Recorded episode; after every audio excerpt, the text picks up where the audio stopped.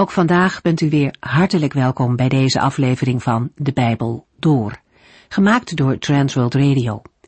Voor meer informatie kijkt u dan op onze website transworldradio.nl. In deze serie gaat u in vijf jaar tijd met ons de Bijbel door, van Genesis 1 tot en met het laatste vers in Openbaring 22.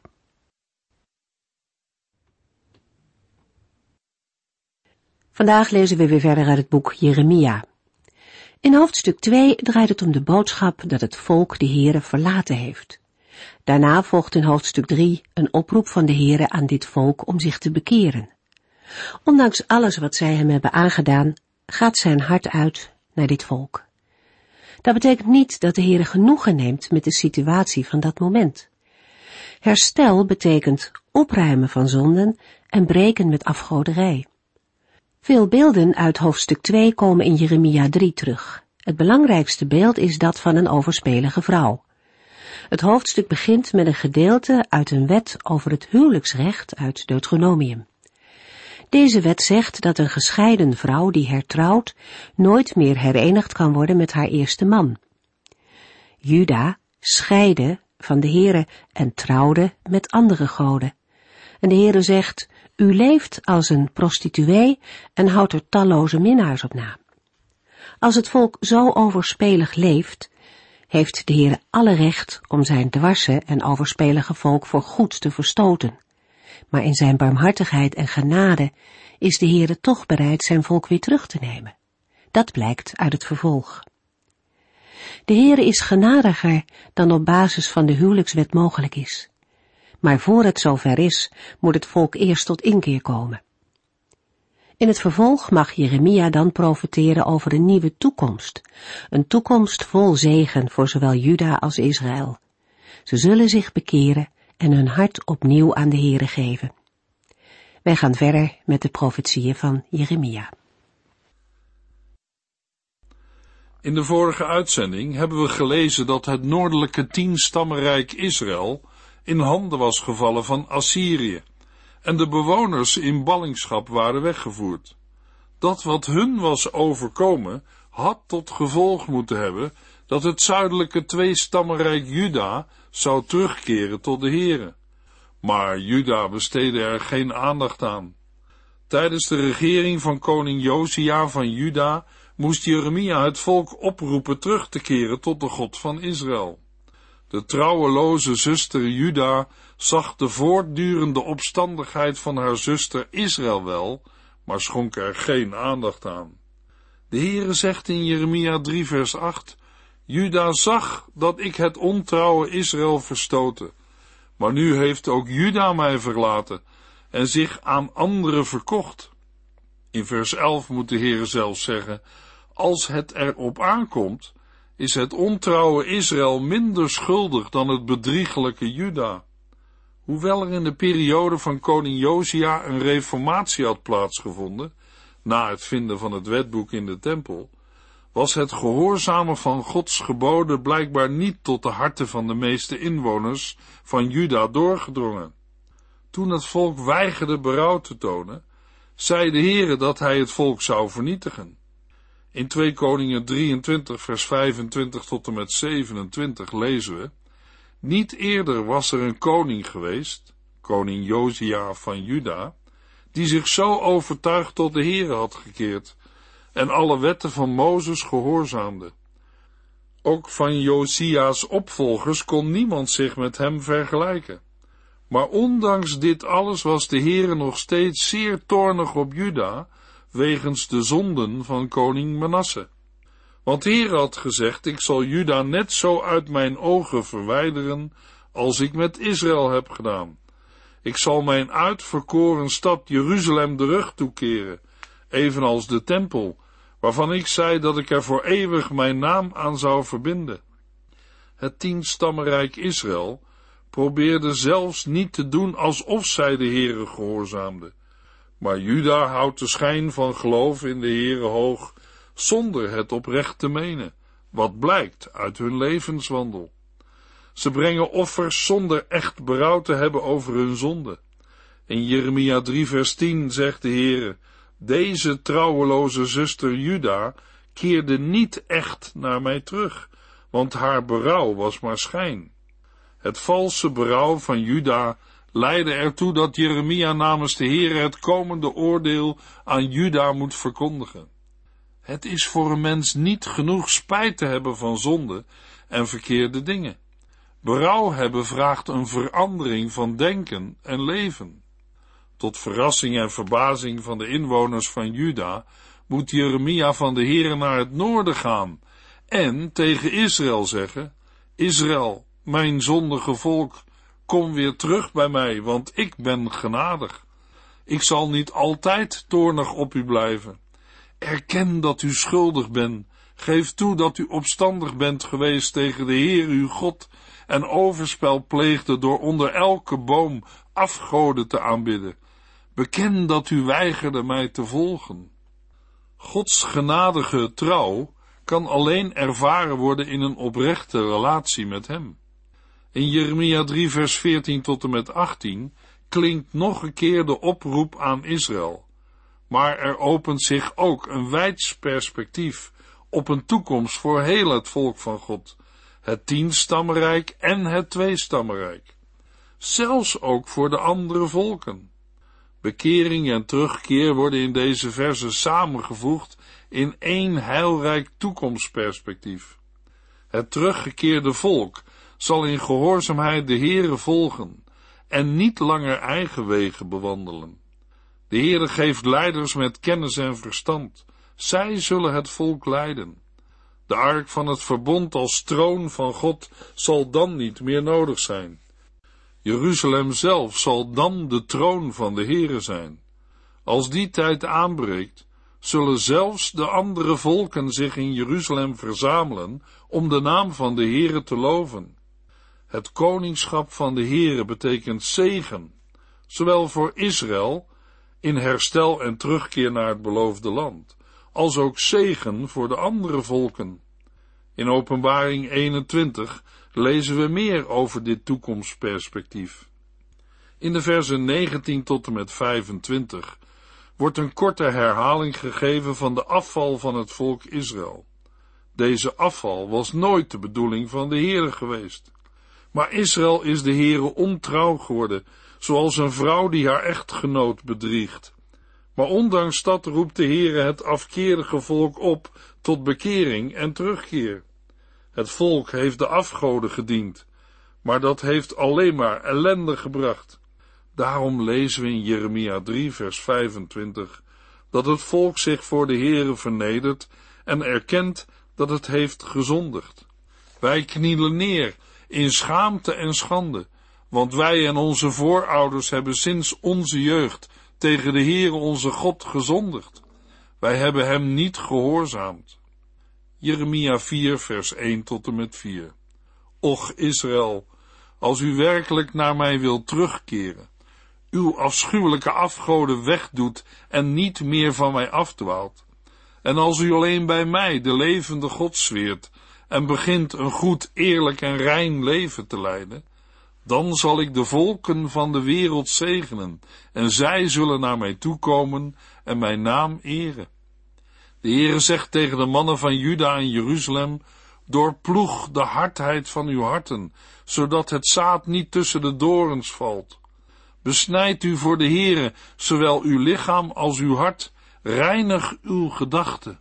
Anders zal het vuur van mijn toorn u verbranden, vanwege uw zonden, en niemand zal dat vuur kunnen blussen. Het begin van Jeremia 4 vormt een afsluiting van de profetieën over de afvalligheid en terugkeer van Israël. Tegelijk wordt de volgende teksteenheid over het oordeel van God door middel van de vijand uit het noorden ingeleid. De eerste twee verzen vormen het antwoord van de Heere op de wanhopige smeekbeden uit Jeremia 3. Als het volk werkelijk wil terugkeren, laat het dan ook naar de Heere terugkeren. Daarmee wordt ook antwoord gegeven op de vraag uit Jeremia 3 vers 1. Het antwoord is verrassend, want volgens de wet kan een man niet naar zijn verstoten vrouw terugkeren. Maar de Heere wil zich wel ontfermen over een volk dat zich van hem heeft afgekeerd. Hij wil het terugbrengen in een juiste relatie met hem, als zij de afgoden wegdoen, hem eren en een goed en rein leven leiden. De woorden, dan zal ik de volken van de wereld zegenen, doen denken aan de belofte die door de Heer aan Abraham werd gegeven. De woorden zijn gericht tot alle inwoners van Juda en Jeruzalem. De oproep klinkt, doorploeg en zaai niet tussen de dorens, dat wil zeggen, ontgin opnieuw land. Het is een oproep aan het volk om een nieuw begin te maken. Het gaat in dit beeld om vernieuwing en niet per se om nooit eerder bewerkte grond, maar om grond wat braak heeft gelegen. Het land is verwaarloosd en overwoekerd met dorens. Het niet zaaien tussen de dorens geeft aan dat het volk volledig moet breken met het verleden, anders zal ook het nieuwe zaaigoed worden overwoekerd. De oproep is niet alleen een beeld voor bekering, maar legt ook een verbinding met het voortbestaan van het volk in het beloofde land. In vers 4 wordt het volk opgeroepen zich te besnijden voor de Here. De besnijdenis van het hart staat voor een innerlijke relatie met de Here. Daarbij blijft het niet bij uitwendige zaken. De Joodse besnijdenis was het teken van Gods verbond met Abraham. Het ontbreken van de juiste innerlijke gerichtheid op God, terwijl er wel godsdienstige handelingen worden uitgevoerd, is een steeds terugkerend thema bij de profeten, als ook in het Nieuwe Testament, bij Johannes de Doper en de Heer Jezus ten opzichte van Joodse leiders. Het hart als centrum voor wil, emotie en denken moeten helemaal op God gericht zijn. Jeremia 4 vers 5 tot en met 9. Roep tegen Jeruzalem en heel Juda dat zij door het hele land de bazuin blazen om alarm te slaan. Ren voor uw leven. Vlucht naar de versterkte steden. Geef het signaal om naar Jeruzalem te gaan. Aarzel niet, vlug nu want ik, de Heere, breng vanuit het noorden een vreselijke verwoesting over u. Zoals een leeuw uit zijn schuilplaats tevoorschijn springt, zo trekt een vernietiger van volken op in de richting van uw land. Uw steden zullen ruïnes worden, zonder één enkele inwoner. Trek daarom rouwkleding aan en huil van berouw, want de toorn van de Heere is nog niet van ons weggenomen. Op die dag, zegt de Heere, zullen de koning en zijn bestuurders beven van angst, en de priesters en profeten zullen verbijsterd toekijken. In Jeremia 4 vers 5 begint de aankondiging van het dreigende oordeel in de vorm van de verwoestende vijand uit het noorden. In Jeremia 4 vers 5 tot en met 31 gaat het over de oprukkende vijand. De verzen zijn specifiek gericht tot Juda en Jeruzalem. Het is moeilijk om in de versen 5 tot en met 31 een duidelijke structuur te herkennen. Verschillende beelden van dreiging en onheil volgen elkaar in een hoog tempo op, waardoor het soms lastig is precies te bepalen wie er aan het woord is. Uitleggers benoemen het als een opzettelijke wanorde, die aansluit bij het gevoel van paniek die de woorden van het tekstgedeelte overbrengen. In het hele gedeelte zit wel een duidelijke samenhang door herhaling van steekwoorden en thema's. Te midden van de oordeelsaankondiging zijn er ook lichtpuntjes van hoop te vinden. We lezen in Jeremia 4 vers 14, Jeruzalem, reinig uw harten, nu het nog kan. U kunt nog worden gered als u uw slechte gedachten loslaat. Een tweede lichtpuntje lezen we in vers 27. Het besluit van de Heere tot verwoesting geldt voor het hele land. Toch, zegt hij, zal een kleinere stand van mijn volk overblijven. In Jeremia 4 vers 5 tot en met 10 wordt opgeroepen om heel Juda en Jeruzalem te waarschuwen voor de naderende vijand. God zelf brengt onheil uit het noorden in de vorm van een grote vernietiging. Het volk wordt opgeroepen als reactie rouwkleding aan te doen en te rouwklagen. Het doet denken aan openbare boetedoening. met als doel het oordeel alsnog af te wenden. Tegenover de oordeelsprediking van Jeremia staat de boodschap van vrede, die de andere profeten verkondigen. In de relatief rustige regeringsperiode van Josia, gekoppeld aan de verwachtingen rond het voortbestaan van Jeruzalem en de tempel, lijkt een boodschap van vrede meer aannemelijk. Maar de Heere heeft de andere profeten niet gestuurd.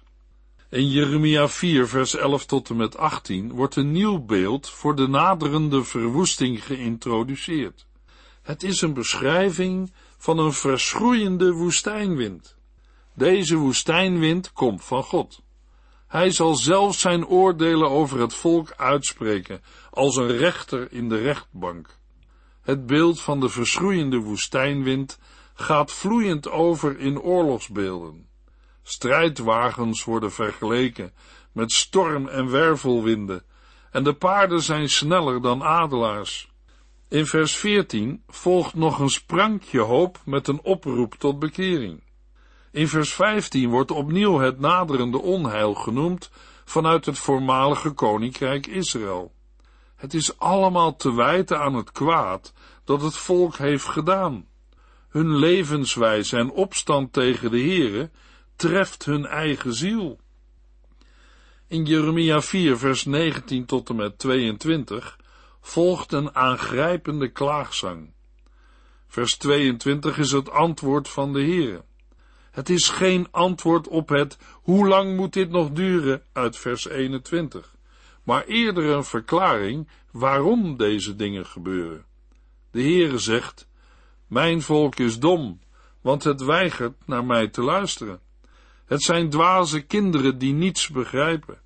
Ze zijn intelligent genoeg om kwaad te kunnen doen, maar voor het doen van het goede hebben zij geen enkele aanleg. Ironisch wordt gezegd dat de wijsheid of intelligentie van het volk zich richt op het doen van het kwade, terwijl het volk van het goede doen blijkbaar geen weet heeft. In Jeremia 4, vers 23 tot en met 28 komt de totale verwoesting aan de orde. We kunnen de teksten gezien de lengte van de hoofdstukken niet allemaal lezen. Mogelijk heeft u daarvoor een ander moment.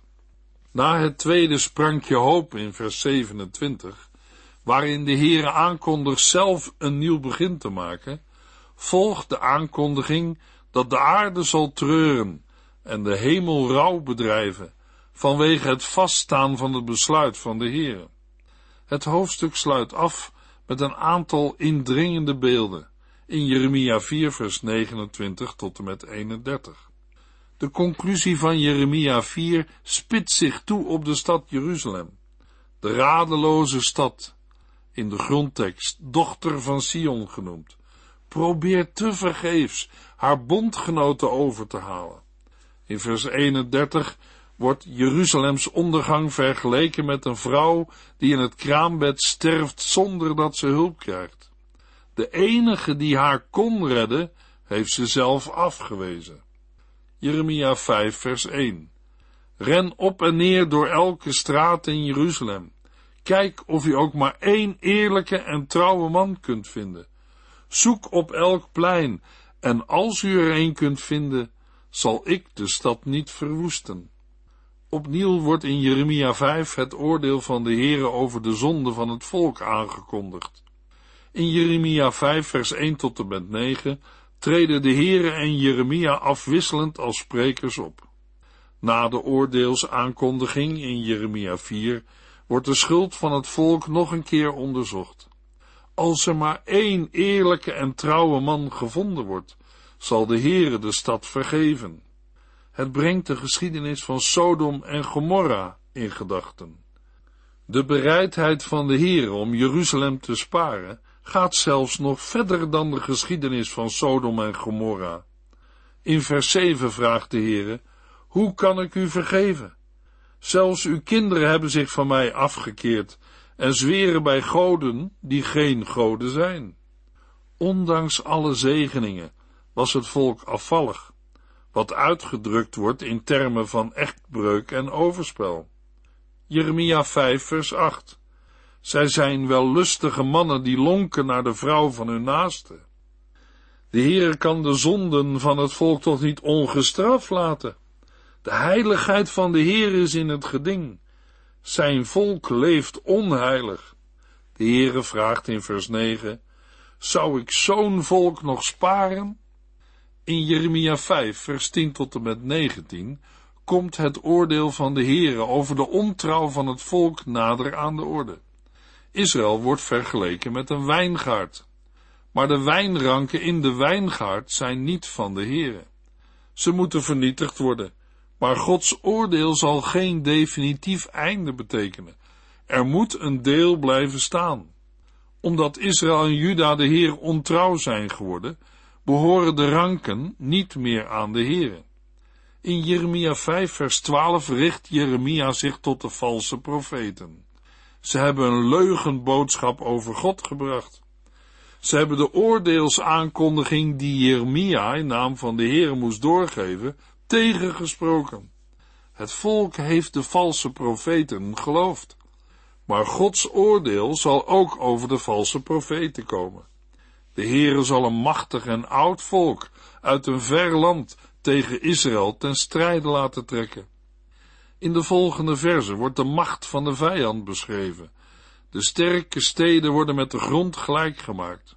Alle zegeningen die de Heer aan zijn volk heeft gegeven, worden door de vijand teniet gedaan. Maar in vers 18 klinkt weer een woord van hoop. De Heere zal niet voorgoed een einde maken aan zijn volk. In plaats daarvan zal het volk uit het land worden weggevoerd. Later zal Jeremia duidelijk maken dat het volk in het vreemde land weer zal leren de Heere te dienen, waarop het zal terugkeren naar het eigen land. In Jeremia 3 vers 20 tot en met 31 komt opnieuw de ontrouw van het volk aan de orde. Twee aspecten die ook in de beginverse aan de orde kwamen, worden verder uitgewerkt. Namelijk het onbegrijpelijke verlies van het ontzag voor de Heere en de gevolgen daarvan in de vorm van een onrechtvaardige samenleving. Onder het volk van God zijn misdadigers te vinden. Zij vullen hun huizen met gestolen goederen, zoals een vogelvanger zijn mand met vogels vult. Jeremia 5 vers 27 Als een mand, volgepropt met vogels, zo zijn hun huizen volgepropt met bedrog. En het resultaat? Zij zijn nu machtig en rijk. Zo verrijken zij zichzelf en vergroten hun macht. Maar het gaat ten koste van anderen. Ze hebben de rechtsgang belemmerd van armen en wezen, de zwaksten in de samenleving. Jeremia 5 eindigt met de woorden: Er gebeuren vreselijke dingen in dit land. De priesters staan onder invloed van valse profeten. En mijn volk vindt het wel best zo. Maar hun uiteindelijke lot staat vast. Alle lagen van de bevolking zijn afvallig geworden. Wegvoering is onvermijdelijk. In Jeremia 6 vers 1 tot en met 30 blijkt dat Jeruzalem geen vermaning wil aannemen. Met andere woorden wordt dezelfde boodschap van een naderende vijand aangekondigd. Weer wordt er opgeroepen een veilige schouwplaats te zoeken.